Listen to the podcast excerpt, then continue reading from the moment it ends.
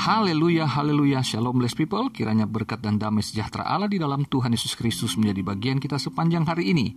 Jumpa lagi dengan saya Pendeta Theodorus dalam Renungan Kristen.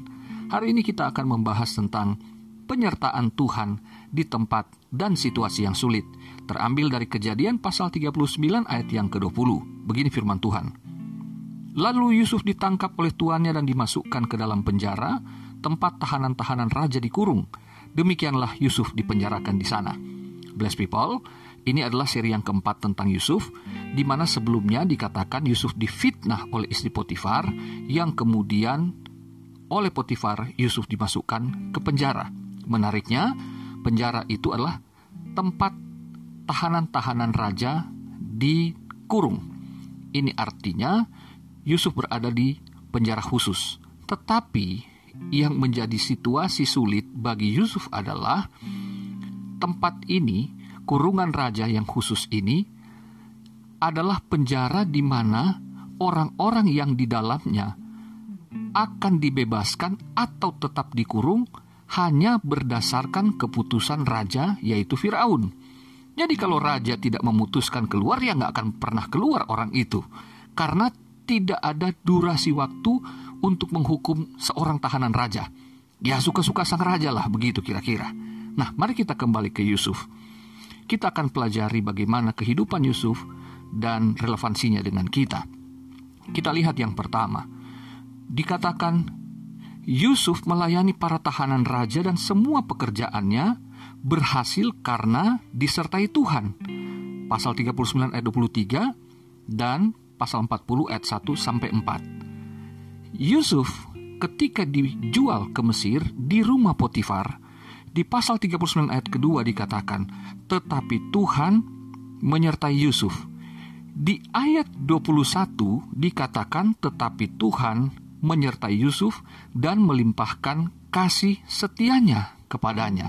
Jadi di sini kita lihat bahwa meskipun Yusuf dibuang, dijual, dipenjarakan, tetapi Tuhan selalu hadir bagi Yusuf. Saudaraku, bahwa Yusuf di dalam kesulitan hidupnya, tetapi ia mendapatkan jaminan yang luar biasa dari Tuhan bahwa Tuhan selalu menyertai dan menyatakan kasih setianya. Yang kedua, Yusuf menjadi kesayangan kepala penjara yang memberinya kepercayaan penuh untuk pelayanan di sana karena dikatakan tadi Tuhan menyertai dan melimpahkan kasih setianya di ayat 21. Tuhan menyatakan kasihnya kepada Yusuf dan Tuhan menyatakan kasihnya melalui kepala penjara. Jadi Yusuf meskipun ada di tempat yang sulit di rumah Potifar, ia disayang oleh Potifar, di dalam penjara ia disayang oleh kepala penjara. Karena sekali lagi penyertaan Tuhan bagi Yusuf. Yang ketiga, Yusuf membantu juru minuman dan juru roti. Posisi ini pada zaman itu adalah posisi yang sangat penting.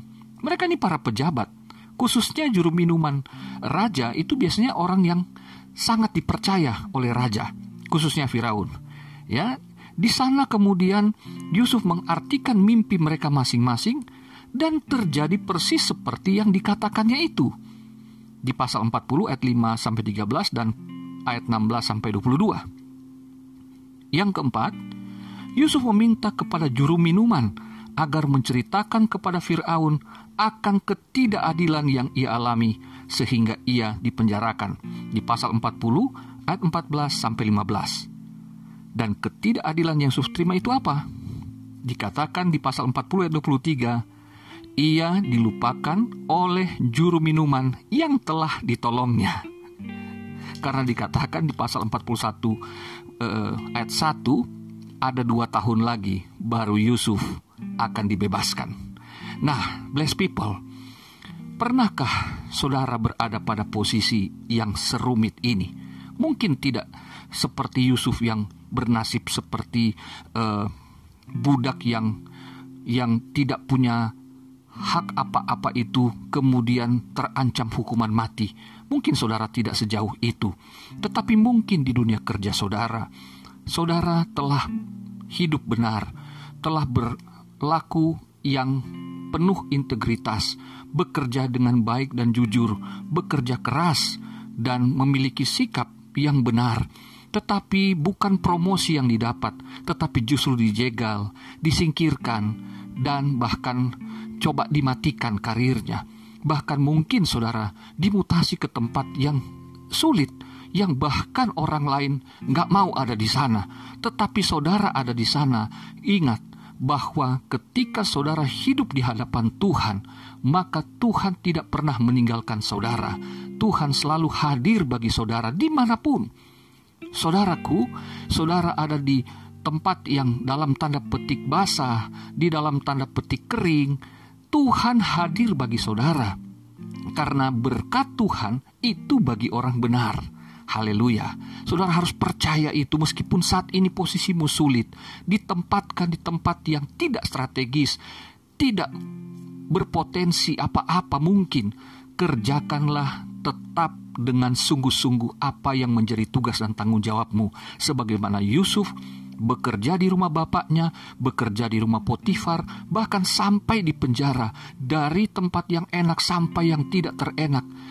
Dia tetap bekerja sebagaimana biasanya, karena dia tahu ia disertai Tuhan dan ia bekerja bagi Tuhan. Haleluya. Saudara ingat, saudara boleh disingkirkan oleh manusia, tetapi ketika Tuhan yang menetapkan saudara untuk berada pada rancangannya, cepat atau lambat, mungkin seperti Yusuf, berharap segera bisa dibebaskan. Saudara mungkin saat-saat ini berharap pimpinan saudara ataupun mungkin orang-orang yang saudara tolong akan menyatakan atau menolong saudara untuk dibebaskan dari tempatmu saat ini, dipromosikan di tempat yang lebih baik, mendapatkan gaji yang lebih layak, bisa dipromosikan oleh pimpinan, tetapi ternyata belum, maka saudara jangan kecewa. Yusuf dalam hal ini pernah mencoba berharap kepada manusia, dan ia gagal karena masih ada dua tahun lagi. Saya tidak tahu, saudara, dalam posisi ini ada berapa waktu lama lagi Tuhan akan memproses saudara. Tetapi percaya dan yakin dan tetap berpegang teguh bahwa Tuhan pasti akan menolong saudara tepat pada waktunya. Haleluya. Saudaraku, tetap percaya Tuhan hadir bagi saudara, Dia tidak pernah melupakanmu, meskipun orang lain, bahkan pimpinanmu, melupakan jasa-jasamu. Tapi Tuhan ada besertamu. Tetaplah bekerja dengan penuh semangat dan sukacita, terlebih tetap beriman dan berdoa. Tuhan tolong saudara, sampai jumpa. Haleluya, bless people.